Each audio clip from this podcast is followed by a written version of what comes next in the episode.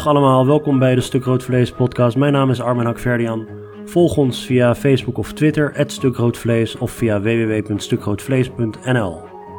Afgelopen week had ik een leuk gesprek met Leonie de Jonge en Ali Damstra over rechtspopulisme en de media. Uh, dat kunt u terugluisteren via www.stukroodvlees.nl of gewoon via de podcastfeeds van welke app die u ook, uh, die u ook gebruikt. Dat was een erg leuk gesprek. Leonie die vertelde over de omgang van journalisten met uh, rechtspopulistische partijen in de Benelux-landen. En die doen dat op hele verschillende wijzes. En Alit vertelde over onderzoek dat ze heeft gedaan naar de populariteit van de PVV.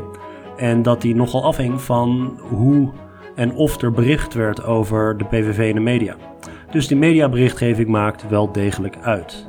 Mijn gast voor vandaag is Marijn Oudenamse, postdoctoraal onderzoeker aan de UvA, waar hij onderzoek doet naar de politieke geschiedenis van het neoliberalisme in Nederland.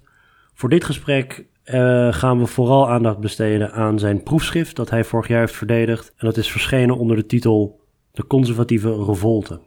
In dat boek traceert Marijn de intellectuele geschiedenis van nieuw rechts in Nederland. In de jaren 60 was er een vrij progressieve periode aangebroken en de Nederlandse politieke elite veerde eigenlijk en masse naar links. De tegenbeweging in Nederland die volgde pas decennia later in de jaren 90 met figuren als Frits Bolkestein. Deze hele ontwikkeling gaan we eh, doornemen met Marijn. En uiteraard gaan we ook nog eens een keer kijken naar hoe we het gedachtegoed van Thierry Baudet het beste kunnen kenschetsen.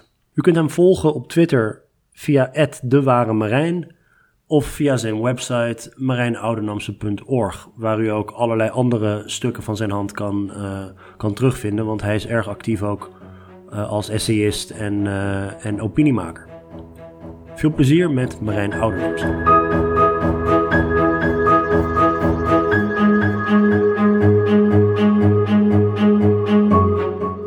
Marijn, welkom bij de podcast. Ja, uh, thanks. De ondertitel van je boek is Een idee-geschiedenis van de Fortuinopstand.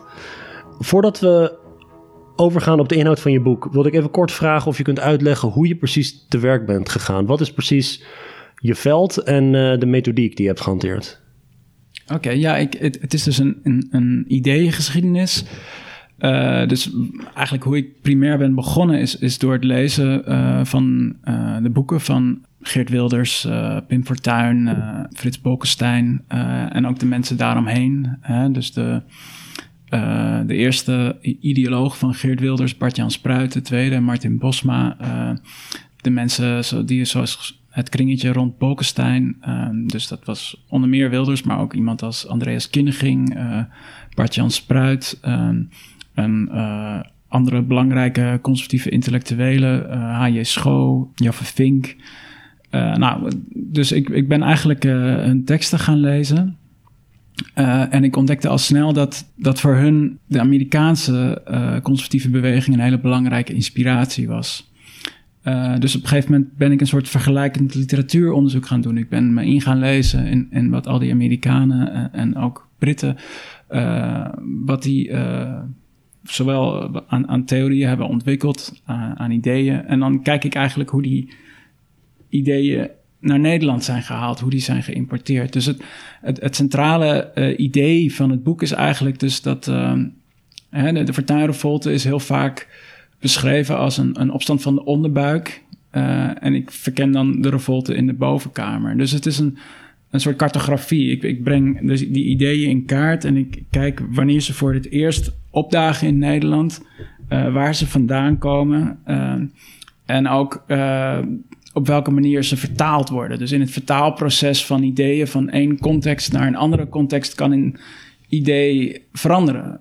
dus in, in de jaren zestig ontwikkelde de, binnen de Amerikaanse conservatieve beweging had je een kritiek op het multiculturalisme.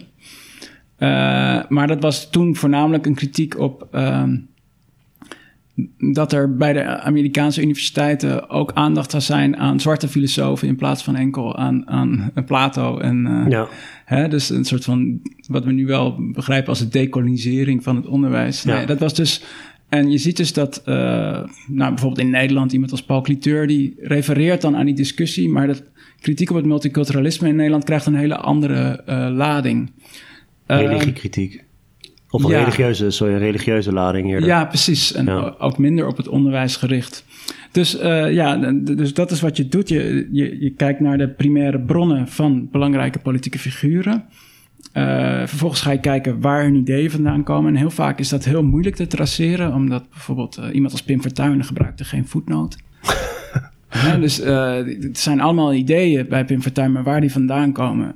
dus je moet eigenlijk, voordat je begint, moet je al heel erg breed ingelezen zijn. Je moet eigenlijk om een bepaalde tekst heen lezen. Ja. om te begrijpen hoe je die tekst kan situeren in, in, in een bepaalde traditie. Uh, en tegelijkertijd moet je ook begrijpen hoe dat boek concreet interveneert in die Nederlandse context van die tijd. Ja. Dus uh, dat is wat je doet. En aan de ene kant is het een vergelijkende literatuurstudie, en aan de andere kant is het een contextualisering van ideeën in, in die concrete situatie. Ja, en uh, jouw stelling in het boek, waar we uiteraard later dieper op in zullen gaan, is dat die conservatieve revolte in Nederland in de jaren 90 en 0 en waarvan we nog steeds uh, uh, de, de manifestatie daarvan nu, nu nog steeds in het politieke discours mee te maken hebben. Die, die conservatieve revolte is een verlaten reactie op wat er in de jaren 60 gebeurde. En in Nederland is die verlaat vanwege redenen waar we zo in zullen gaan, maar die, ja, het is, het is een soort verlaten pendulum dat, dat weer terug, terugswingt naar rechts. Ja, dus, dus wat je uh, ziet in de Verenigde Staten is dat er, en, en ook in Groot-Brittannië, dat er al heel vroeg een rechtse tegenbeweging opkomt in de jaren 60 en 70. En uh, dat er sprake is van heftige polarisatie. Uh, er wordt ook wel gesproken over de jaren 60 en 70 als een, een verdeelde generatie. Dat is een titel van een bekend boek over die tijd in de VS. en in Nederland zie je dat dus niet. In Nederland zie je dat de, de, de jaren 60 en 70 nou, vrij eensgezind pro, progressief waren. En, en dat we eigenlijk allemaal uh, een stapje naar links deden in die tijd. En dat het conservatieve geluid maar niet van de grond kwam. Ja. En uh, wat ik eigenlijk laat zien is dus dat er in plaats daarvan zie je dat er in, in de jaren uh, 90 een, een conservatief geluid opkomt in Nederland. En dat haakt aan bij die eerdere uh, rechtse bewegingen in de Verenigde Staten en Groot-Brittannië. Uh, dat, dat zijn die ideeën worden vertaald naar de, naar de Nederlandse context van misschien een paar decennia later, maar de wortels zijn. Ja, precies. Je ziet dus telkens weer terugkeren dat uh, hè, 68 is het probleem en de, en de babyboomers zijn het probleem. En dat is het verhaal wat in, in midden jaren negentig uh, opeens naar voren komt. En dat is natuurlijk heel gek, want dan zit een soort vertraging van bijna 30 jaar in. Ja, maar goed, om die vertraging te begrijpen, moeten we dus even teruggaan naar de, uh, ja, eigenlijk de 20e eeuwse ideegeschiedenis in Nederland en de context waarin dit allemaal plaatsvindt en waarom toen in Nederland die tegenbeweging niet, niet van de grond kwam. Op een gegeven moment schrijf jij op, over de ideegeschiedenis in Nederland, schrijf jij, um, dus de ideegeschiedenis richt zich over het algemeen op voorname denkers, klassieke teksten en grootste theorie. En dat zijn categorieën waar Nederland traditiegetrouw niet bijzonder hoog op scoort. Dus Nederland heeft geen intellectuele traditie. Ja, dus ik, ik laat eigenlijk zien uh, aan de hand van Karl Mannheim, een beroemde socioloog, hè, dat, dat uh, ideeën of ideologieën, dat die eigenlijk ontstaan uit uh, maatschappelijke polarisatie. Uh, links tegen rechts, progressief tegen conservatief. Hè? Dat, dat, dat, zegt Karl Mannheim was... Conflict. De, ja, conflict, precies. Het was de magie van de Franse revolutie. Toen eigenlijk ontstond uh, het, het moderne politieke denken... en ontstonden de termen links en rechts, progressief en conservatief. Um, en wat je ziet is uh, dat er in Nederland altijd een traditie van, van uh, depolitiseren, uh, van consensus, van um, afkeer van, van conflict heeft bestaan. en dat er daardoor door de geschiedenis heen eigenlijk nooit hele overtuigende ideologische tradities zich hebben ontwikkeld. We hebben in Nederland niet een, een een, een vooraanstaande liberale, socialistische of, of conservatieve of christendemocratische traditie op, op het gebied van ideeën dan tenminste. Je bedoelt het niveau van de intellectuelen? Ja, en dat, diezelfde analyse die dus Mannheim uh, maakt over, over de Franse revolutie, hè, dus dat je conflict nodig hebt om, om uh, een gedachtegoed te ontwikkelen, zou, kun je ook naar de jaren zestig verplaatsen. Wat je ziet dus is dat er in andere in, in landen zoals nou ja, de VS, maar ook in, in, grote delen van continentaal Europa, is dat een tijd van hele heftige conflicten, waardoor er hele duidelijke uh, ideologische tegenstellingen zijn tussen links en rechts. Uh, maar kun je een aantal van die, van die intellectuele giganten op het continent of elders noemen die Nederland dus blijkbaar niet heeft gekend? Nou ja, in, in in de VS heb je uh, natuurlijk iemand als uh, Milton Friedman, uh, die de grondlegger samen met Friedrich Hayek van het neoliberalisme. een Leo Strauss, die over het algemeen wordt gezien als een belangrijke inspirator van, van het neoconservatisme. Um, en je, je, hebt daar hele vooraanstaande intellectuele tradities die ontwikkelen in, in de jaren 60 en 70. En hetzelfde zie je in, in Groot-Brittannië dat uh, je hebt zowel de, de meer uh, marxistische traditie die zich heel sterk ontwikkelt in de jaren 60 en 70. Denk aan de New Left Review, waar je iemand Perry Anderson hebt of Stuart Hall, die eigenlijk de oprichter is van Cultural Studies. Uh, maar je had ook tegelijkertijd een hele sterke ontwikkeling van het liberale denken met een Karl Popper, uh, die in, in Groot-Brittannië, nou ja, dat is al wat vroeger, maar die daar heel sterk naar voren kwam. dus de jaren zestig waren eigenlijk een bloeiperiode van het politieke denken, mede doordat het een, een vrij gepolariseerde tijd was. En uh, in Nederland uh, is de klacht, verwoord door Bart Tromp toen de tijd, dat omdat die babyboomers of de protestgeneratie in ieder geval nauwelijks tegenspel kreeg, omdat ze eigenlijk vanaf het begin af aan verend werden opgevangen door die elites hè, die uh, typisch Nederlandse wijze uh, de boel uh, doodknuffelde en inkapselde, was er ook niet echt sprake van een, een, een groot debat of een. en Bart Tromp noemde dat dan ideologisch piepschuim. Hij stelde van ja, die, die protestgeneratie... die probeerde eigenlijk hun tegenstanders aan te vallen met ideologisch piepschuim. Dus eigenlijk een soort van leegte. Ja, ja dus dat is wel echt een, een, een belangrijk verschil. En je ziet dus dat in de jaren negentig uh, dat die, die opkomende uh, rechtse uh, denkers en politici heel erg teruggrijpen op die ontwikkelingen in de VS en in Groot-Brittannië in de jaren 60 en 70 en bovenal die het conservatieve denken. Ja, het publieke discours in Nederland in de jaren 60, 70, 80 werd, werd gevoerd in wat is het in kranten of zo. Of uh, ik bedoel, er, er vond wel op een ander niveau waarschijnlijk uitwisseling van ideeën plaats. Alleen het was niet zo groot als, als elders. Ja, dus, dus wat ik uh, stel in het boek is eigenlijk dat je in het buitenland heb je echt de voorname denkers. Hè? Dus uh, de mensen die we associëren met een, bepaalde uh, politieke of intellectuele traditie. En in Nederland zie je uh, meer dat het intellectuele debat, dat dat dat dat zich afspeelt in krantencolumns en dat dat iets is wat veel meer op een tussenniveau zit. En ja, de, de Nederlands intellectueel is eigenlijk een soort van vertaler. Iemand die, die niet zelf grootse theorieën bouwt, zoals de, de, Duitse modelbouwers of hmm. een Habermas. Hè, ook een product van de jaren zestig. Italiaan, in, Italië heb je een hele vooraanstaande filosofische traditie. Dat hebben we allemaal in, in Nederland niet. We hebben, in Nederland zijn de intellectuelen meer mensen die werkzaam zijn in de journalistiek. Uh, die niet hun eigen ideeën uitwerken, maar meer de ideeën van anderen populariseren. En bovenal ideeën uit het buitenland populariseren. En, en Huizinga, de, de beroemdste historicus van Nederland, um, die merkte dat al op in de jaren dertig. En die zei van ja. Uh, uh, het Nederlandse intellectuele leven wordt eigenlijk gekenmerkt door placiditeit. Dus eigenlijk een soort van.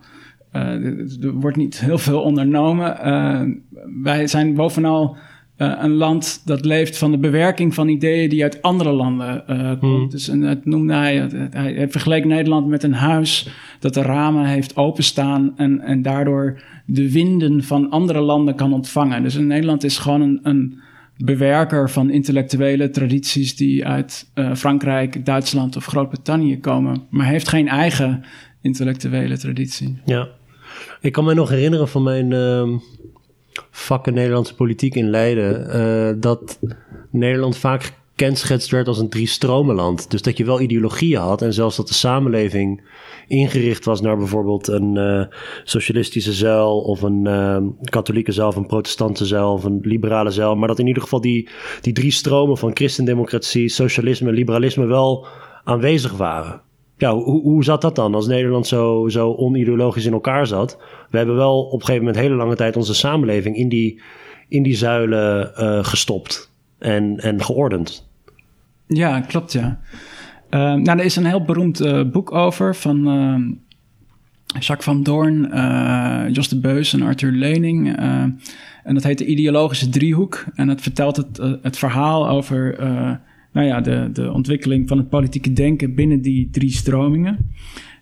en hun stelling is eigenlijk dat in Nederland dat dat nooit echt zo ideologisch uitgewerkt is als in andere landen.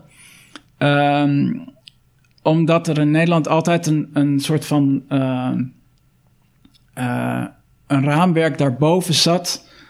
Wat een soort consensuscultuur was. dat uitging van wat zij het organicisme noemen. En dat organicisme was het, is, is een idee van de samenleving als organisch geheel. dus hè, dus die, die verschillende ideologieën van die partijen. Um, gaat er veel meer uit vanuit het socialisme. We moeten opkomen voor de arbeiders. Het liberalisme is natuurlijk een ideologie die voortkomt meer uit, uit de handelselite of de bourgeoisie. En, en een christendemocratisch christendemocratisch denken uh, vanuit de kleine luiden of de, de katholieken, et cetera. Maar het, dit idee van het organicisme uh, is eigenlijk dat er geen tegenstelling zijn, dat we allemaal ledematen zijn van, van één lichaam dat, en dat we eigenlijk allemaal met elkaar samenwerken en dat er geen machtsverschillen zijn en er is geen conflict. En wat zij stellen in, in het boek, de ideologische driehoek, is dus dat, dat, dat die meta-ideologie van het organicisme uh, zo dominant geweest is in Nederland onder politieke elites van die verschillende zuilen, dat daardoor uh, het denken van die zuilen zelf uh, altijd wat, wat onderontwikkeld is gebleven. Maar die, maar die, die verschillende zuilen, dus als je denkt aan hoe christendemocraten of hoe liberalen of hoe socialisten een ideale samenleving voor zich zouden zien, is dat wel waarschijnlijk heel anders. Alleen jij zegt erboven lag nog een, een, een andere ideologie die zei van ja, we moeten, het, we moeten het allemaal een beetje bij elkaar houden. Ja, precies. Dus, dus dat was eigenlijk het, de dominante ideologie, was een soort bepaald soort centrisme. Uh, dat stelde van, uh, ja, rustig aan, dan breekt het lijntje niet, uh, feitelijk. En, en ook, we hebben de boel niet in de hand. Hè, we, we, passen ons aan aan historische trends.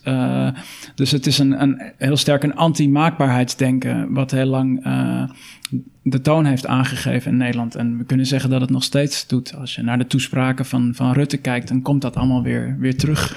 Ja, visie is een olifant. Ja, toch? precies. ja. ja. Dus dat dat eigenlijk ook terug te voeren is op die. Uh, uh, nou ja, Daalder zou zeggen, regentenmentaliteit. Ja, dus, dus wat grappig is, is dat je. Uh, Hè, de, de, Nederlandse politicologie uh, en de sociale wetenschappen überhaupt ontwikkelen zich heel laat. Maar als het zich dan ontwikkelt, dan, dan zie je dus dat die, die grondleggers van die tradities, uh, en bij de politicologie zijn dat Daalder en Leibhardt, ja. dat die uh, heel sterk geconfronteerd worden met die consensuscultuur, dat depolitiseren, dat organische gedachtegoed. Ja, Daalder die, die wilde begrijpen waarom er zo'n apolitieke sfeer heerste in Nederland. En uh, hij gaf een beroemde lezing daarover in 1964, Leiding en Leidelijkheid in de Nederlandse politiek. Waarin hij feitelijk stelde dat Nederlandse politici voortdurend bezig waren om tegenstellingen te verbloemen. Uh, en uh, door beleid zo in te pakken dat het eigenlijk niet meer te herleiden was in, in wiens belang het nou eigenlijk was. Of in ieder geval dat het niet voor de achterbannen te begrijpen was wie er nou eigenlijk verloren had en wie er gewonnen had. Ja. Uh, en dus dat er een enorme uh, mistvorming over die Nederlandse politiek uh, zich uitstrekte. En zijn kritiek was dat dit leidde tot een heel ondoorzichtig en on, on, ondemocratisch bestel.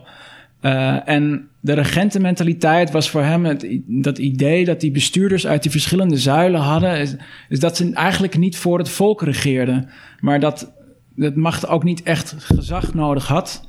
Uh, maar eigenlijk zichzelf uh, legitimeerde. Dus als je een goed bestuurder bent, dan, dan hoef je niet heel veel verantwoording uh, af te leggen aan de bevolking. En wat je dus ziet is dat, dat, dat die kritiek van Dader op, op de Nederlandse democratie, of het gebrek daaraan, dat dat viral ging, om weer een hedendaagse term te gebruiken. Dus het werd opgepikt door de studenten in die tijd, door de protestbewegingen. Uh, door journalisten. Henk Hofland uh, ja. uh, ging ermee aan de haal. Ja, Van Mierlo die heeft ook keiharde uitspraken gedaan over het partijstelsel, partijbestel en over het politieke establishment van de jaren zestig. ja, precies. En, die, die, die later herhaald zijn door allerlei, allerlei anti-elite anti, anti politici van Wilders tot, tot Baudet. Maar Van Mierlo die, ja, die verzette zich hevig tegen die eenheidsworst. Ja, precies. Dus D66 is, is voortgekomen eigenlijk uit die kritiek op het bestel. Ja, wat, wat uh, ik probeer een beetje te laten zien is dus dat eigenlijk het, de Nederlandse politicologie voor een deel uh, het product is van die discussie over ja. uh, depolitisering en, en geslotenheid. En Daalder die, die, die bekritiseerde dus die depolitisering die zou kunnen leiden tot uh, ook, ook ja, die demobiliserend zou kunnen werken voor de achterban. Leipart zag het als een pre. Ja, dat is dus heel fascinerend. Uh, dat er dus een soort omdraaiing van, van het verhaal van, van Daalder plaatsvindt bij Leipart. Dus uh, Leipart was heel sterk geïnspireerd door Daalder. Ze werkten ook samen. Wat Daalder als, als problematisch en ondemocratisch zag aan de Nederlandse politieke cultuur.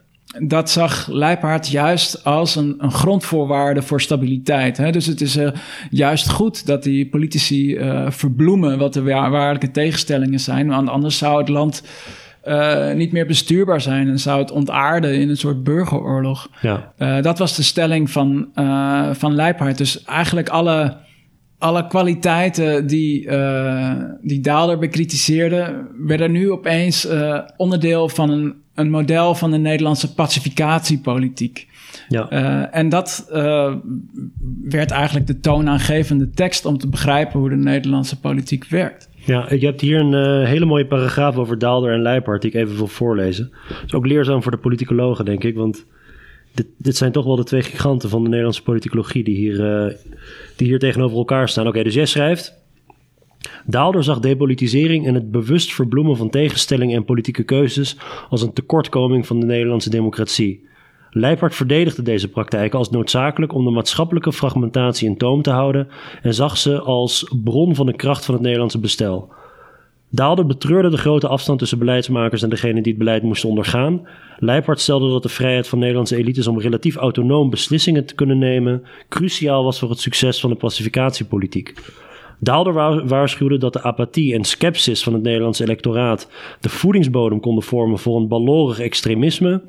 Leipart prees passiviteit, leidelijkheid en volgzaamheid als onmisbare ingrediënten voor politieke stabiliteit.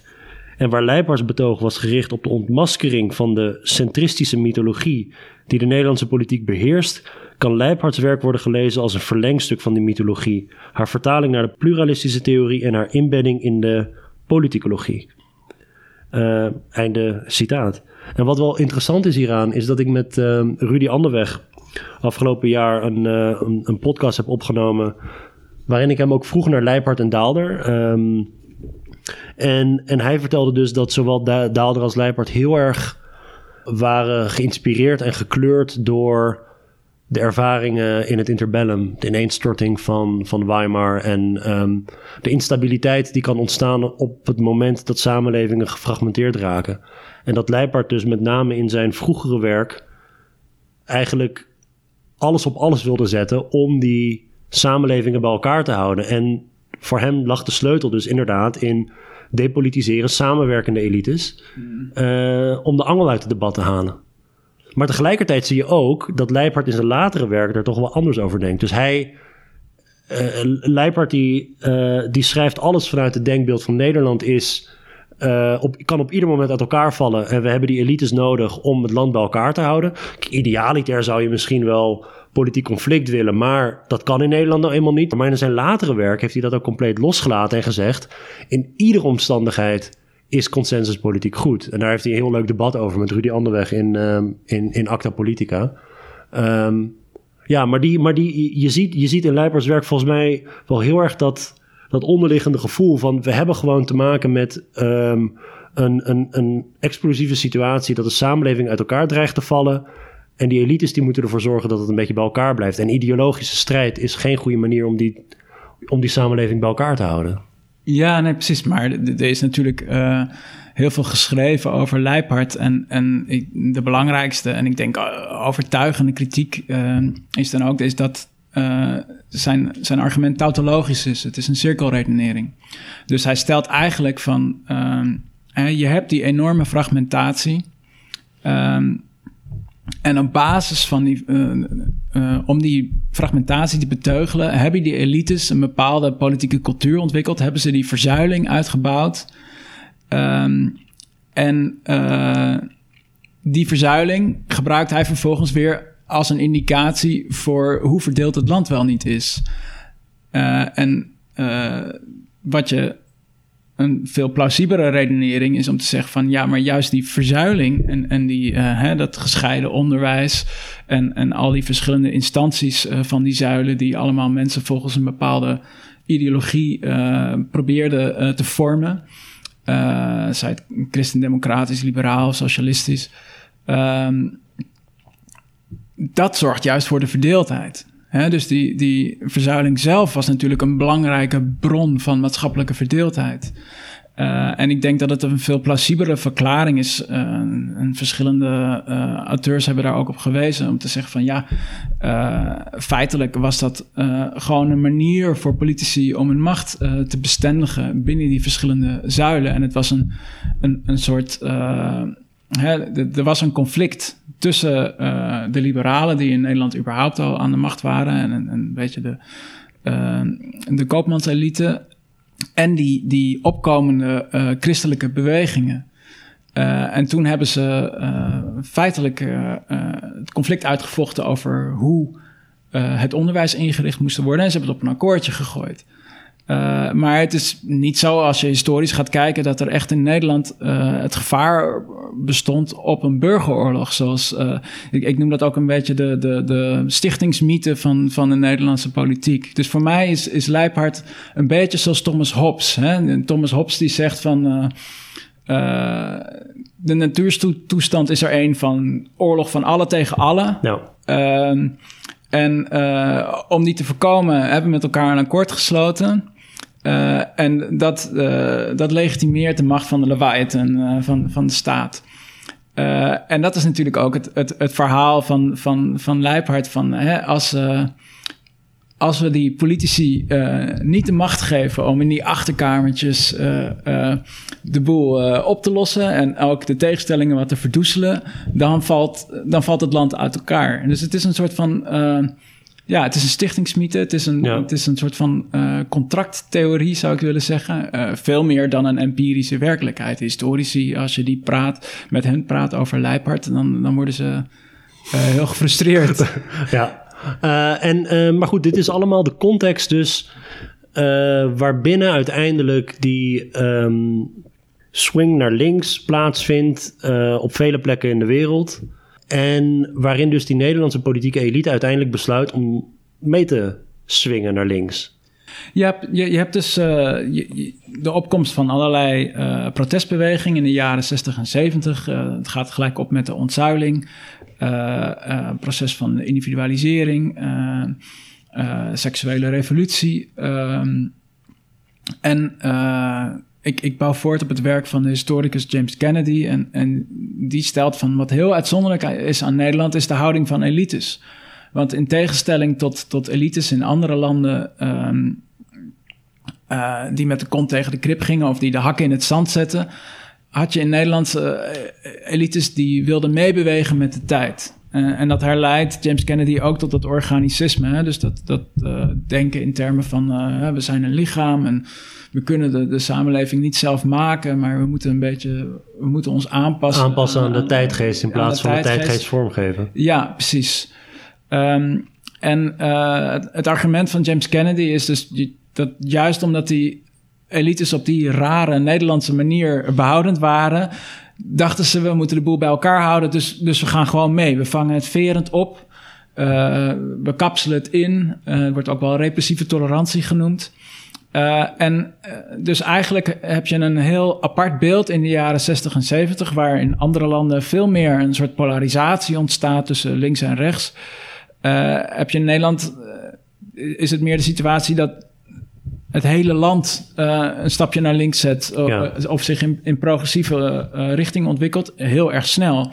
Dus Nederland was een, een vrij behoudend christelijk uh, land in de, in de jaren 50, vrij autoritair ook. En in een mum van tijd werd het opeens een, een heel open, anti-autoritair, tolerant en progressief baken, zeg maar, ja. voor de wereld. En dat, dat is dus een, een hele de, ja, Dutch exceptionalism zou je het wel kunnen noemen.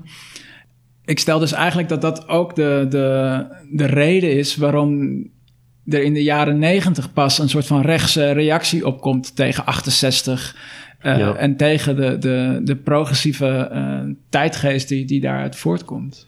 Want als we even de overstap maken naar Amerika, want dat is van belang om dus die latere tegenreactie in Nederland te begrijpen in Amerika heb je natuurlijk een aantal van die dingen die bij elkaar komen. Van uh, de uh, burgerrechtenbeweging, uh, de anti-Vietnam-beweging. feminisme. feminisme. al, allerlei bewegingen bij elkaar. en in de Verenigde Staten is het ook heel erg georganiseerd naar, um, naar ras. Dus die, die strategie van Nixon op een gegeven moment, eind jaren 60, om op zoek te gaan naar die witte arbeidersklasse is direct te traceren tot uh, beleid van Kennedy en Johnson om dus segregatie tegen te gaan en om een aantal extreem belangrijke wetten door te voeren. Voting Rights Act, Civil Rights Act. Maar allemaal georganiseerd rondom, rondom ras en rondom eigenlijk de positie van, van zwarte Amerikanen. En later ook natuurlijk abortus en uh, wapenwetgeving en zo. Um, maar ik heb het gevoel dat het, het verhaal van ras. dat dat niet zo'n rol speelde in die, in die Nederlandse discussie. Ja, en ook in Groot-Brittannië veel meer. Denk aan Enoch Powell. Ja, precies, Enoch Powell. In, Rivers of Blood uh, toespraak. Dat werd, maar die, dus dat, dat, want, want je had wel in Nederland dat je immigratie in de jaren 60, 70, die voornamelijk vanuit de liberale kant werd aangejaagd. Het bedrijfsleven had arbeidskrachten nodig en werden er, uh, werden er mensen uh, binnengehaald. En het is pas veel later is het een, is het een thema geworden over, over cultuur of over culturele clashes. Uh, maar die Amerikaanse backlash was er een die direct terug te leiden was op de emancipatie van zwarte Amerikanen. Ja, ik denk dat dat zeker wel een, een belangrijk verschil is. Uh, en dat, dat heb ik ook nog niet eens zo, zo heel erg uitgewerkt uh, in dit boek. Maar ja, in Nederland kwam dat hele debat over immigratie en integratie mm, pas echt op in de jaren negentig. Ja. Dus het, dat zou ook een, een reden kunnen zijn waarom uh, dat pas veel later opkwam, die, die rechtse tegenreactie. Maar wat is de tegenreactie in Amerika waar jij je op richt? Dus want de, bijvoorbeeld uh, ook die, die hele discussie die we nu hebben over linkse indoctrinatie op de universiteit. Uh, dat is iets wat jij in de jaren 60 in Amerika ook al ziet. Ja, precies. Dus, dus in, in, in de Verenigde Staten heb je een, een, een heel breed uh, spectrum van rechtsongenoegen, zeg maar. dus, uh, hè, dus uh, het feminisme is, is een belangrijke steen des aanstoots. De, maar zeker weten dat de burgerrechtenbeweging en, en Black Power beweging even belangrijk, zo niet zelfs, zelfs nog belangrijker was in die tijd. En de vredesbeweging ja. was ook zeker met Vietnam. Uh, daar had men enorme problemen mee. Dus wat je eigenlijk ziet in, in uh, de jaren zestig... is dat er een, een groep van intellectuelen is... die, die zich eerder uh, enigszins op het midden bevindt... en zelfs aan de linkerkant... die naar, naar rechts schuiven als in reactie op 68. En, en die werden toen ook wel de neoconservatives genoemd. En uh, zij waren eigenlijk uh, een hele belangrijke intellectuele uh, inspiratie van de Amerikaanse culture wars.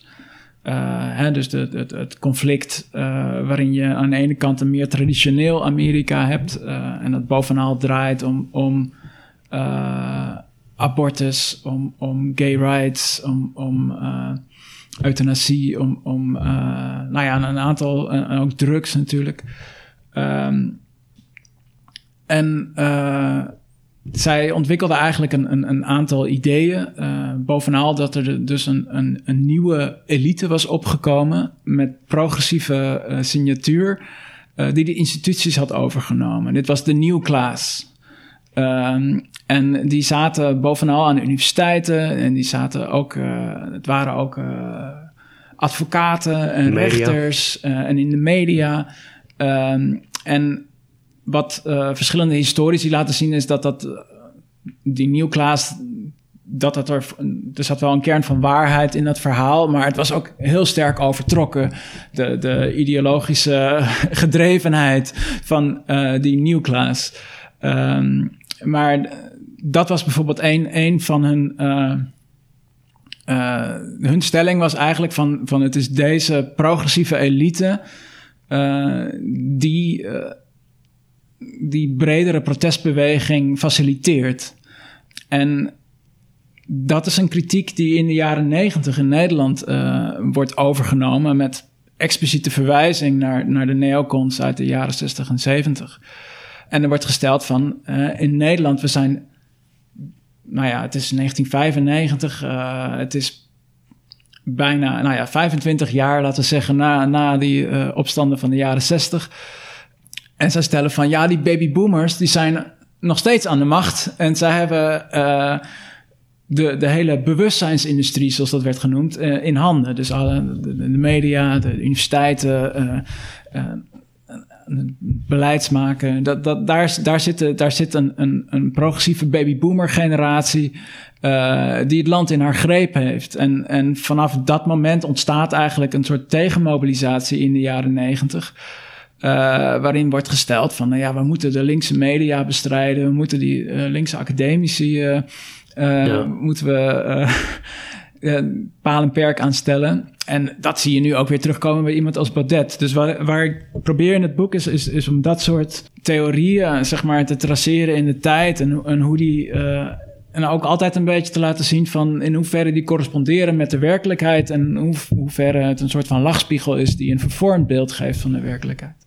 En je hebt dus niet in het Nederlandse partij, bijvoorbeeld het, het Nederlandse medialandschap is vrij versnipperd en pluriform. En je hebt kranten en weekbladen en omroepverenigingen in het verleden van verschillende signatuur. Dat was toch allemaal eenheidsworst. Of dat werd zo gezien als eenheidsworst. Het is allemaal links-progressief. Um, zelfs de omroepverenigingen, de kranten en de weekbladen, die dus uit de christendemocratische traditie kwamen of uit de liberale traditie. Nou ja, kijk, het, het, het, er werd gewoon gezegd dat er een, een, een enorme progressieve dominantie was. Uh, uh, in het denken in Nederland. Dus uh, de opinievorming was, daar had je een, een soort van linkse elite en het waren allemaal babyboomers. En het werd niet eens getraceerd naar een bepaalde partij toe. Maar wat dus heel grappig was, dat in Nederland in ieder geval dat, dat idee van die linkse elite, dat in de jaren negentig opkwam, dat, dat was op een moment dat er allerlei uh, boeken verschenen over het verlies van links hè, en, en de teloorgang van links, de dood van links. Uh, als je dan PvdA-intellectuelen leest in die tijd, uh, die, zij denken eigenlijk dat, dat de gloriedagen van, van links voorgoed voorbij zijn. En het is echt heel deprimerend om die teksten te lezen als je een beetje linkse sympathie hebt. en dus in die zin is het heel, heel uh, klopt natuurlijk die analyse niet van en eigenlijk in de jaren tachtig heb je al een wending naar meer vrije marktpolitiek in Nederland ja. uh, en, en is het wel echt voorbij met de jaren zeventig. Maar wat je dus uh, het probleem waar die conservatieven voor gesteld waren in de jaren negentig is was van ja, je hebt de jaren zeventig gehad in Nederland, die hadden een enorme invloed. en toen was er eigenlijk een soort van was er een klein, had er een kleine ruk naar rechts plaatsgevonden, maar, maar naar hun uh, gevoel niet overdonderend en nog lang niet, bij lange na niet genoeg uh, om die progressieve tijdgeest, om daar voor goed mee af te rekenen. Dus zij, zij, zij hadden iets nodig om tegen te mobiliseren. Hè. feitelijk was de generatie van 68, dat waren allemaal pragmatici geworden. Wim Kok had dat uh, ideologische veren uitgestoken. Ja. Uh, maar het erfgoed van de jaren 60 en 70, de effecten van, van die progressiviteit, die zijpelden nog steeds door in de jaren 90. en daar wilden ze eigenlijk mee afrekenen. En dus creëerden ze dat beeld van de linkse elite die aan de macht zou zijn in Nederland. En uh, ik bedoel, het, het, zal geen toeval zijn dat Bolkestein op de kaft van jouw boek staat. Ja, voor mij is Bolkestein eigenlijk de, de centrale figuur binnen die, die ruk naar rechts, die, die in de jaren 90 en 2000 uh, eh, plaatsvindt. En ook uh, degene die een, een aantal, eigenlijk, ik, ik, het is een soort importeur van ideeën. Ehm, ik noem, het, ik noem hem een broker in, in de Engelse tekst. ja. Um, uh, dus hij gaat uh, in debat met Francis Fukuyama. Uh, hij heeft het over Samuel Huntington en Nathan Glazer, allemaal belangrijke neoconservatieve intellectuelen.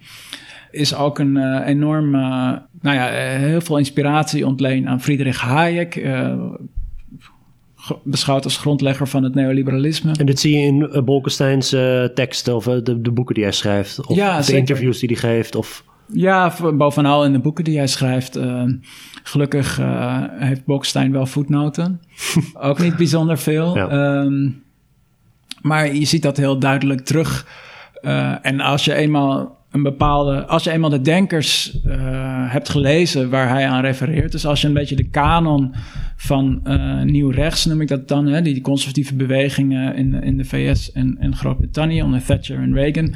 Als je die kanon een beetje kent dan zie je ook alle uh, thema's daarin terugkomen. Bijvoorbeeld Friedrich Hayek, die heeft een, een, een van zijn belangrijkste ideeën um, gaat over uh, feitelijk de macht van ideeën. Dus hij, hij stelt van uh, oké, uh, de politiek wordt heel erg bepaald door een bepaalde raamwerk van ideeën dat op dat moment dominant is.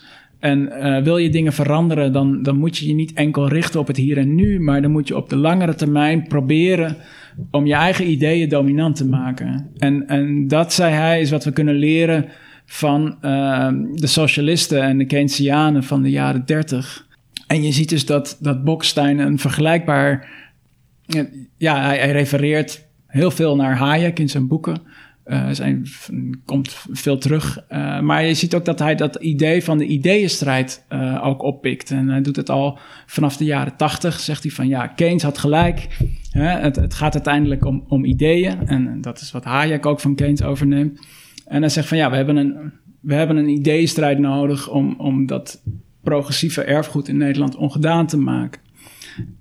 en je ziet dus dat er allerlei mensen zijn om hem heen uh, die ook van de ideeënstrijd zijn. Feitelijk wordt er ook wel gezegd dat Bolkestein in de jaren negentig het hele debat naar zich toe trok over immigratie en integratie en over de, de nationale identiteit uh, en over de Nederlandse consensuscultuur. Dus hij, hij, zijn politiek was heel erg bepaald door het interveneren in het publieke debat. Veel minder dan uh, het indienen van moties of het vormgeven van beleid in Den Haag. Ja, maar hoe, hoe verhoudt zich dit tot bijvoorbeeld die trots die Bolkestein had over die Paarse coalitie?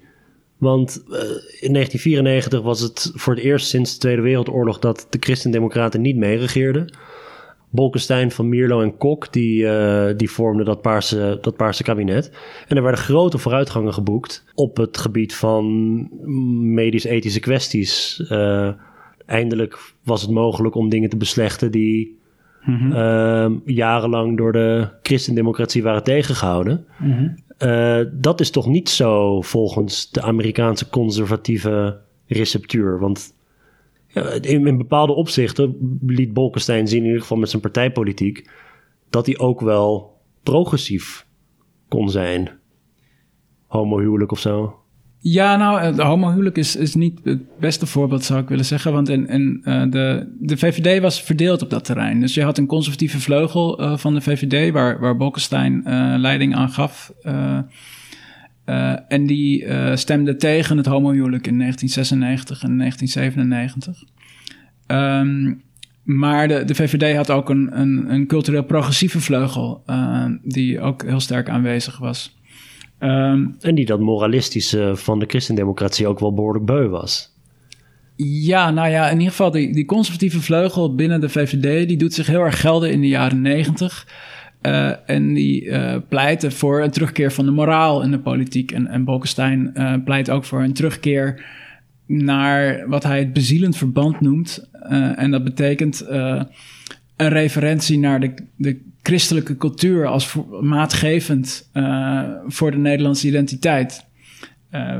waarbij hij zei dat dat noodzakelijk was in een tijd dat er heel veel migranten in Nederland kwamen wonen. Dus wat, wat je dus eigenlijk ziet, is dat er een aantal uh, conservatieve elementen op dat moment uh, door de VVD eh, naar voren worden gedragen. en de omslag is pas na Fortuin. Dus je hebt eerst een, een, een, een, in de jaren negentig is het een hele duidelijke conservatieve mobilisatie. Paul Cliteur stelt nog in, in 2001 dat er een, een, een terugkeer van oude waarden moet komen, waaronder kerk en gezin. Joshua Lievestro, de assistent van Bolkestein, samen met Cliteur, Michiel Visser en Bart-Jan Spruit, de oprichter van de conservatieve Edmund Burke Stichting, december 2000. dus je, je, hebt een hele. Op dat moment zie je allerlei conservatieve intellectuelen opkomen. De conservatieven komen uit de kast, zoals dat toen werd gezegd. Het mhm. conservatieve moment is gekomen. zo heet een opiniestuk van, van Lievestro in, in, in 2001. En wat ik laat zien in mijn boek is dat, uh, dat Fortuin uh, met één been uh, onderdeel was van, van dat conservatisme. Dus hij nam allerlei ideeën over uit, dat conservatisme, wat, wat sterk door de VVD, maar ook delen van het CDA naar voren werd geschoven. Um, maar het grappige aan Fortuyn natuurlijk was dat, dat hij zelf homoseksueel was en dat hij ook zelf een babyboomer was. en, en hij creëerde een, een hele rare synthese tussen dat nieuwe conservatisme en uh, uh, tussen die, de, de progressieve erfenis van de jaren 60 en 70. Dus Fortuyn zei van. Uh, zijn, zijn stelling was eigenlijk in, in de verweesde samenleving, eigenlijk zijn, zijn meest uitgebreide boek uit 1995, is dat die, die revolte uit de jaren 60 en 70, die had wel allerlei goede dingen gebracht, maar uh, het had geleid tot een uitholling van, van uh, het gezag. Uh, hè, dus de symbolische vader en de symbolische moeder, um, die waren verdwenen. er, was, er is een soort vadermoord geweest. Ja. Um, en wat we eigenlijk moesten doen, is we moesten weer een, een, dat, dat, gezag terugbrengen in het onderwijs, maar ook in, in de samenleving in bredere zin.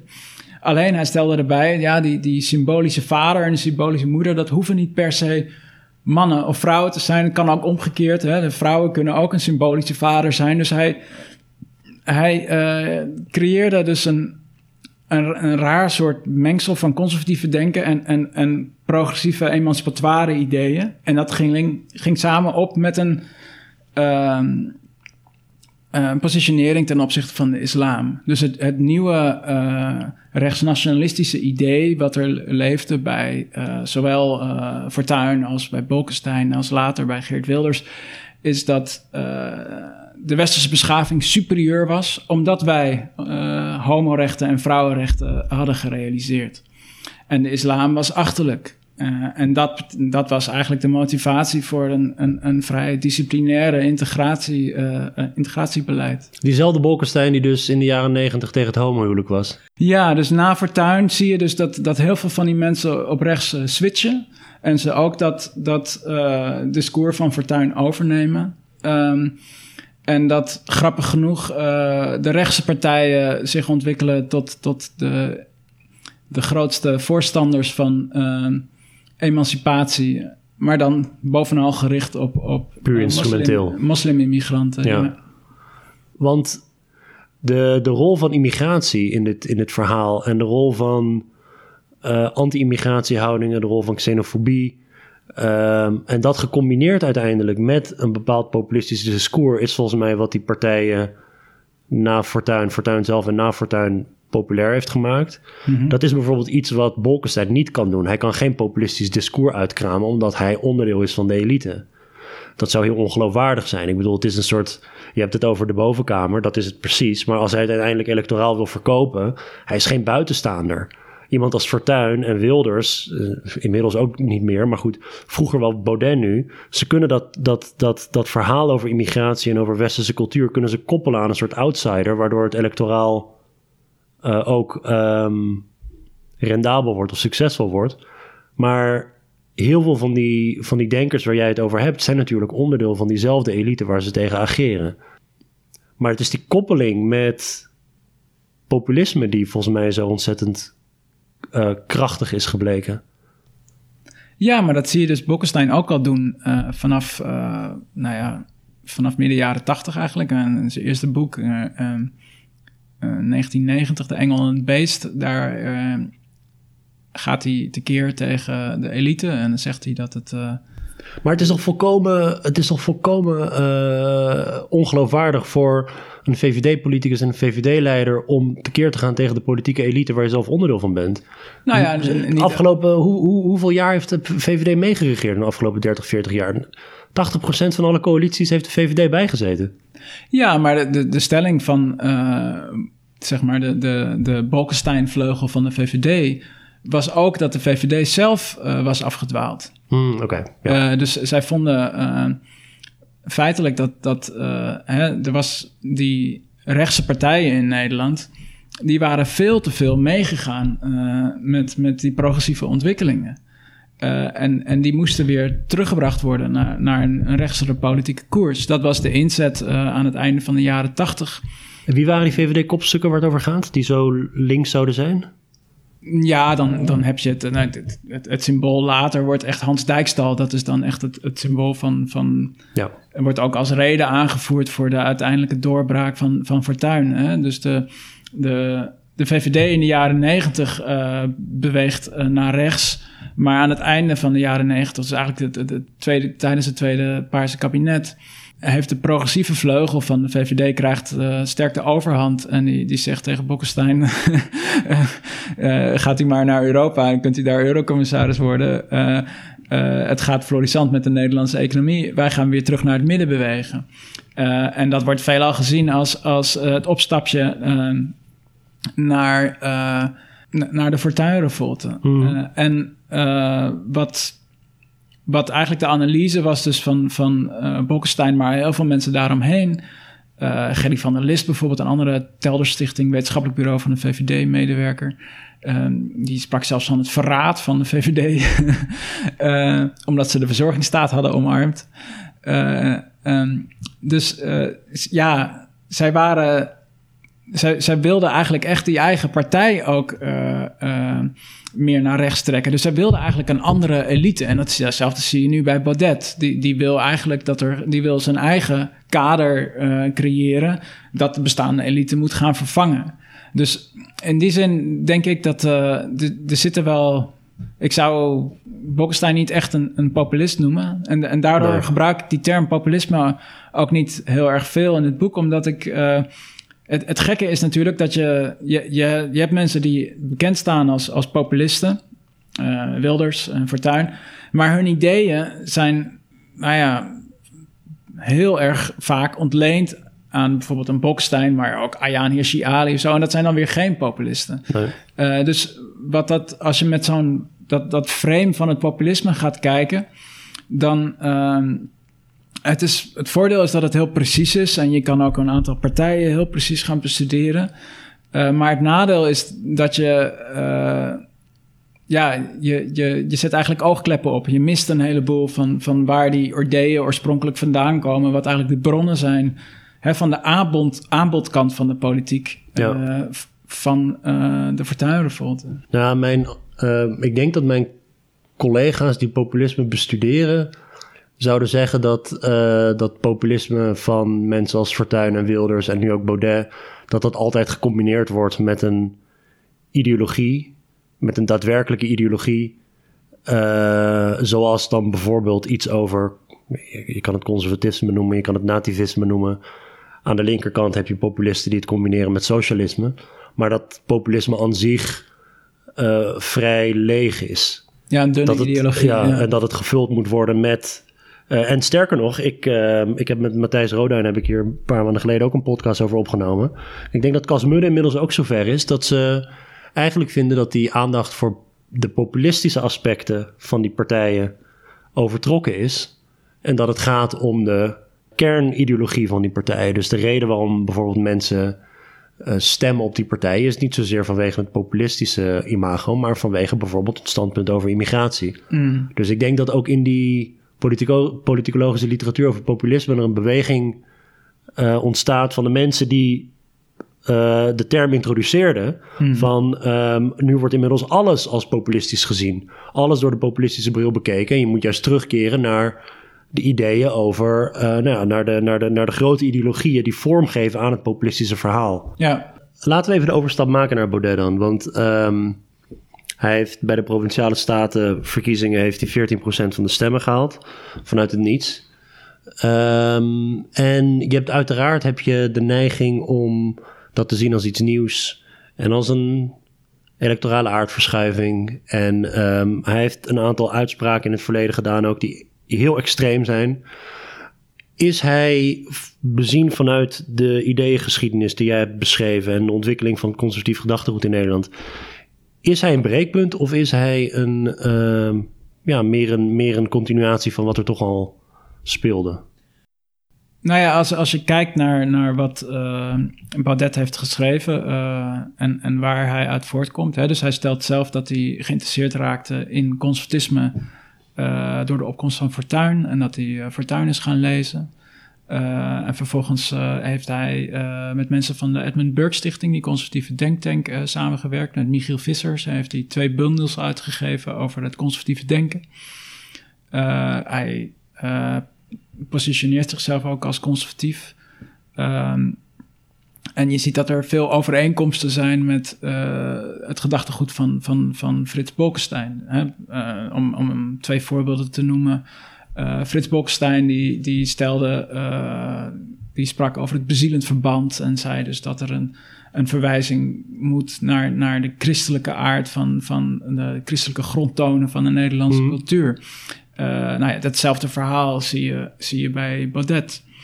Um, Bolkestein hield een lezing in uh, 2002 over de, de avant-garde uh, binnen de cultuur. En waarin hij dus feitelijk stelde dat uh, de het, het gevoel voor de experimenteerdrift uh, binnen de culturele sector vanaf de jaren 30 uh, had zich langzamerhand vertaald naar de samenleving en was daar overgeslagen in de experimenteerdrift van de 68-generatie. Hmm.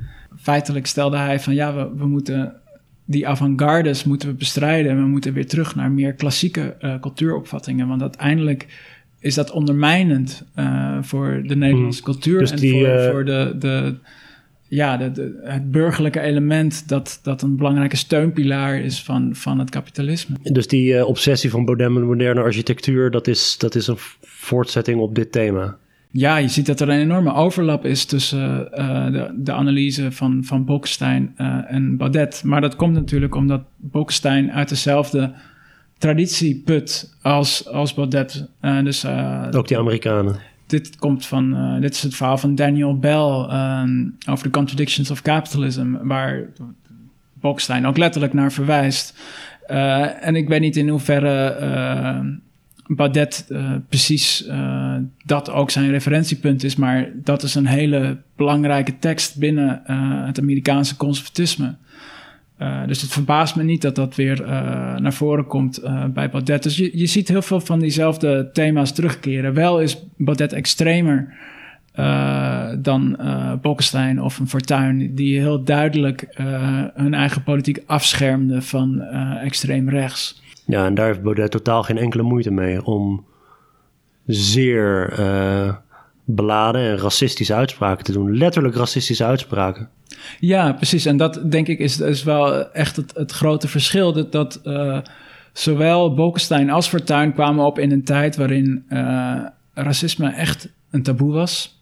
Dus de, en dat ging natuurlijk, dat, dat werd ook heel erg bepaald door het nationale zelfbeeld van Nederland. Na de Tweede Wereldoorlog uh, werd alles wat extreem rechts was, dat werd met, met, met de holocaust geassocieerd en met, met, met de Duitsers. Dus het, het nationale zelfbeeld eigenlijk, dat zo een beetje uh, ontstond in de jaren 60 en 70, was eigenlijk alles wat de, de nazi's en de Duitsers ja. niet waren, dat waren wij wel. Dus, dus dat is een beetje hoe, hoe um, die progressieve uh, interpretatie van de Nederlandse nationale identiteit was. Nederland gidsland.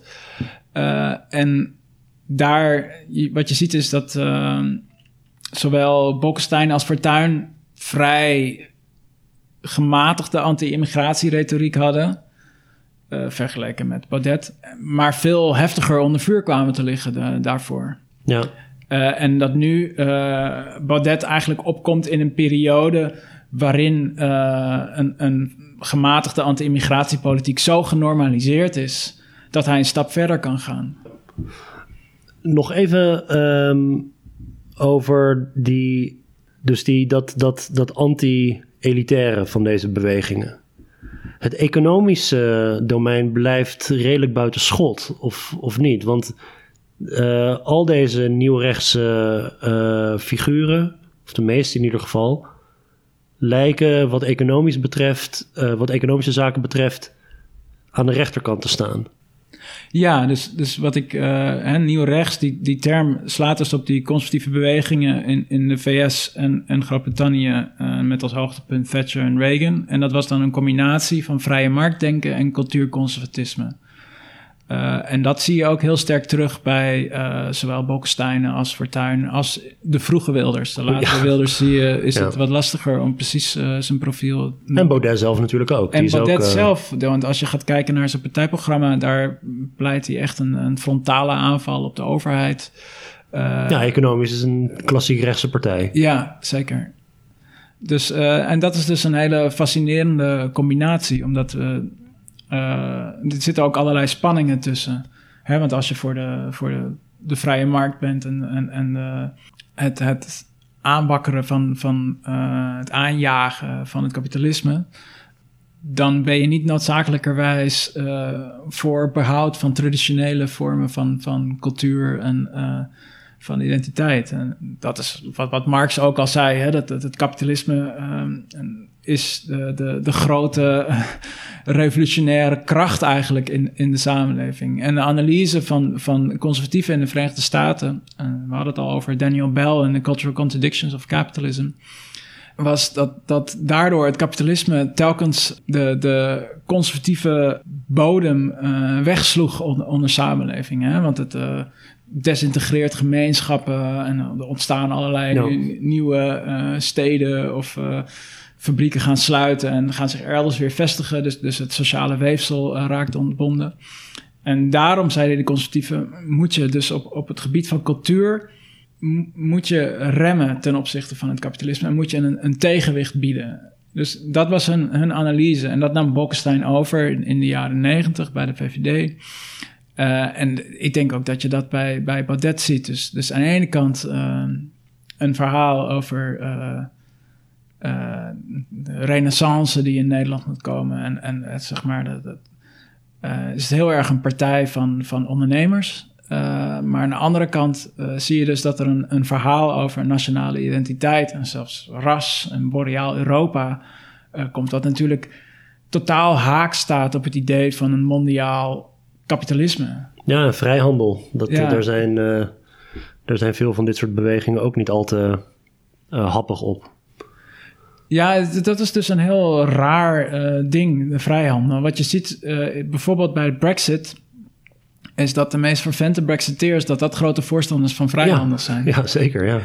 Uh, en ik denk dat je dat ook bij, bij Forum voor Democratie zult zien. Dat, dat de Nexit voor hun eigenlijk een, een idee is van... nou ja, Nederland kan dan gewoon een soort belastingparadijs worden... en alle... Bilateraal allerlei dingen doen. Ja, dat is een beetje de, de droom van de rechtse Brexit. Ja, het economische profiel van uh, Fortuyn en van Wilders en van Baudet blijft vaak best buiten schot in de media ook. Als het gaat over uh, hoe, hoe gaan. Het, gaat, het gaat om de haverklap over het culturele profiel van sociaal-democratische partijen. En dat sociaal-democratische partijen zoveel moeite zouden hebben met het vinden van een nieuw profiel of wat het ook mogen zijn. Maar als je dan kijkt naar bijvoorbeeld het economische profiel van van bijvoorbeeld Wilders of, of van Baudet, komt daar niet zo heel veel van ter sprake. En het zou wel heel boeiend zijn om te zien of Baudet op een gegeven moment vanuit electorale overwegingen dus ook gaat doen wat Wilders heeft geprobeerd te doen. Om in ieder geval op een paar onderwerpen niet zo rechts te lijken in economisch opzicht. Dus Wilders heeft bijvoorbeeld, als je kijkt naar zijn vroegere werk, is die vrij libertarisch bijna. Ja. Uh, en hij is op een gegeven moment is hij een klein beetje toenadering gaan zoeken tot die ja, tot, tot meer linkse onderwerpen. Zeker in zijn retoriek. Ik bedoel, in de praktijk nog niet zo heel erg. Ik ben benieuwd of Baudet het ook gaat doen. Hij is een klein beetje een voorschot erop aan het nemen met dat verhaal over koopkracht en het klimaatdebat. Maar op het moment dat mensen het licht gaan schijnen op, nou ja, dit is waar die partij economisch voor staat. Uh, ja, dan ben ik wel benieuwd wat er gaat gebeuren met die uh, zogenaamde volksmassa's die nu allemaal zich bij hem zouden, zouden gaan aansluiten. Ja, ik denk dat hij dat nu al doet met uh, de pensioenen bijvoorbeeld. Dus, pensioenen, ja, ander voorbeeld. Ja, um, maar uh, ja, ik, ik, ik denk dat er binnen zijn partij veel meer ook het, het kader toch wel voor een, een rechtse economische koers is. En, en dat is natuurlijk het grote verschil met Wilders. Is dat die Wilders een partij heeft geen kader. Dus, nee, dat is waar, ja. Uh, dus uh, ja, Wilders is het heel, bij Wilders is het heel opportunistisch. Uh, en de vraag is natuurlijk van hoe lang we in Nederland een, een politiek en publiek debat blijven houden... waarin telkens maar weer de nadruk op die culturele elementen ligt. Ik denk dat zodra uh, het economische aspect meer op de voorgrond treedt in, in, in debatten, dat het dan veel moeilijker zal zijn voor iemand als de uh, Badet om zich echt uh, te handhaven. Dus in die spin speelt die hele controverse over zijn uitspraken over immigratie. speelt hem ook wel in de hand. Want daardoor kan hij dat economische gebeuren een beetje buiten beeld laten. Ja, en misschien als laatste vraag. Uh, die labels zijn, zijn vrij belangrijk. Uh, ideologische labels die we, op, die we op partijen plakken. In hoeverre is Baudet fascistisch te noemen? Dat is dus, dus uh, veel, veel commentatoren schijnen daar toespelingen op te maken. Hoe, bekijk jij dat als iemand die ideeëngeschiedenis bestudeert? Hoe zou jij fascisme definiëren en waarom zou Baudet daar wel of niet aan voldoen? Ja, het, het moeilijke aan het fascisme is dus dat het een, een um, nogal rommelige ideologie is, uh, wordt meestal gezegd. Hè? Dus Paxton in zijn beroemde boek uh, The Anatomy of, of Fascism stelt hij feitelijk dat, dat het uh, zo'n rommeltje is met het fascisme dat, dat er wel een element is van, van wedergeboorte en, en van, van neergang. Uh, dat, dat je telkens ziet terugkomen, uh, maar dat het verder uh, heel moeilijk is om, om heel concreet te identificeren wat het gedachtegoed erachter is, maar dat het bovenal een ideologie van de daad is. En recent zijn er een aantal kritieken daarop gekomen die stellen van nee, dat is, dat is onzinnig. Je kan wel echt, als je goed gaat kijken, dan zie je wel echt dat er hele duidelijke, herkenbare elementen terugkeren in dat uh, fascistische denken. Uh, Robin Tesla heeft daar dan uh, een mooi boek over uitgegeven in Nederland. Wat is fascisme? En ik denk eigenlijk dat je twee dingen zou kunnen benoemen... waardoor je laat zien eigenlijk dat Baudet misschien wel wat retoriek kopieert... die vrij dicht tegen het fascisme aanlegt, maar toch geen fascist is. En dat is aan de ene kant dat het fascisme antidemocratisch is, klassiek gezien. Uh, Mussolini die, die uh, was een enorm tegenstander van, van de democratie, omdat dat, dat ging alleen maar om de, om de leegte van het nummer, maar dat ging, het ging niet om de, de, werkelijke krachten in de samenleving. Die, die, die kon je daar toen niet reduceren. Dus je hebt echt een veel meer een, een, een aanspraak op elites en, en ja, het, het, fascisme mobiliseert wel massa's, maar het, het is tegen de representatieve democratie. Uh, en dat zie je duidelijk niet bij, bij Baudet. Het is gewoon op zich uh, is hij geen tegenstander van, van de meerpartijdemocratie. Uh, en hij. Nee, en ook voor directere vormen van democratie. Ja, precies. Dus dat is een, een belangrijk verschil. En een ander belangrijk verschil is natuurlijk organisatorisch. Dus wat je ziet met het fascisme is dat uh, feitelijk de hele samenleving wordt ingericht als een als een partij. Hè? Dus je kan, je kan allerlei verschillende. Je, kan lid worden van de jonge fascisten of van, van de, de, de, vrouwelijke fascismebeweging. en uh, het onderscheid tussen partij en samenleving vervaagt. Uh, en die partij die is georganiseerd als een militair apparaat. En het heeft knokploegen op straat. Nou ja, dat soort elementen zie je niet terug bij, bij Forum voor Democratie. Dus ja, er is een historicus, Enzo Traverso, die heeft het over postfascisme. Dus die zegt dat, dat, er een, een, een uh, dat we nu een moment beleven waarin er bepaalde elementen uit het oude fascisme terugkomen, maar in een, in een andere, meer democratische context. Welke elementen zijn dat dan? Nou, bovenal de, de, de retoriek van, van uh, het volk als een organische eenheid, uh, waarin dan uh, smetten in optreden. Hè? Dus die, die biologische metaforen om oh ja, over ras en over volk te praten. Het idee van, van ondergang en renaissance, dat apocalyptische doemdenken. maar je ziet ook een aantal meer directe links. Dus iemand als Dugin uh, die Russische uh, filosoof, inspirator ook van Poetin, wordt wel gezegd. Uh, daar heeft Baudet een twee uur lang gesprek mee gehad. Die, die, die Jared Taylor, een Amerikaanse rassendenker, die, die teruggrijpt op denkers in de jaren dertig, die ook het fascisme mede hebben geïnspireerd. Um, dus je ziet wel dat er ook echt concrete lijntjes zijn die je kan volgen, waar je uiteindelijk uitkomt bij intellectuelen die uh, zich hebben ingelaten met het fascisme. Je zou, je zou kunnen zeggen dat uh, onderdeel vormt van dat postfascistische moment, maar ik vind het zelf een hele, een hele brede uh, term, zeg maar, postfascisme. Ja, je kan dat bijna overal op, op plakken. Dus ik vind het politicologisch gezien vind ik het niet heel erg precies. Dus ik zou veel meer zeggen dat Baudet is iemand, is een conservatief uh, qua positionering is hij radicaal rechts en hij flirt met fascistische ideeën. Zo zou ik dat zelf zeggen. Heel erg bedankt, uh, Marijn, voor je tijd. Het boek heet De Conservatieve Revolte, een ideeëngeschiedenis van de Fortuinopstand. Waar ben je te vinden op Twitter? Uh, mijn handle, zoals dat heet, is De Ware Marijn. En daar kunnen mensen ook jouw uh, vele columns en opiniestukken. Ja, daar zit ook een, een link naar mijn website marijn.oudenamse.org. Top. Tot, uh, tot de volgende keer. Bedankt voor het luisteren.